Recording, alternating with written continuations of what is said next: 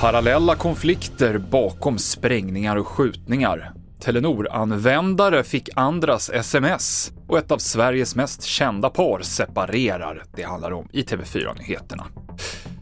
Ja, våldsvågen som pågått sedan i julas i Stockholm fortsatte nu den gångna natten med bland annat skott mot en lägenhet.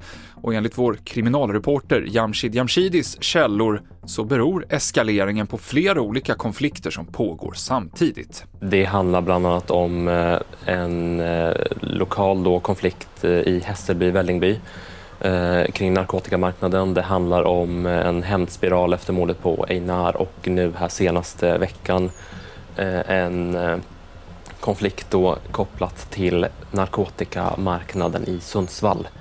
Mer om sprängningarna och skjutningarna på TV4.se.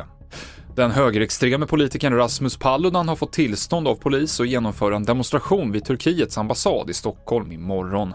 Där tänker han bränna en koran och enligt Paludan är syftet att markera lite yttrandefrihet mot Turkiet.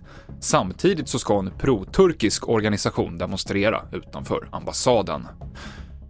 Det fortsätter vara en ovanligt varm januarimånad runt om i Europa. Nya värmerekord slogs igår. Ukraina då från igår slår sig in som det elfte europeiska landet att slå nationellt värmerekord för januari månad. Under nyårsdagen så hade vi sju stycken samtidigt.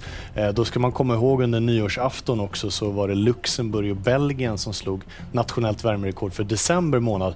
Så att eh, de senaste tre veckorna då har vi haft eh, värmerekord i 13 olika länder. Det sa vår meteorolog Lasse Rydqvist.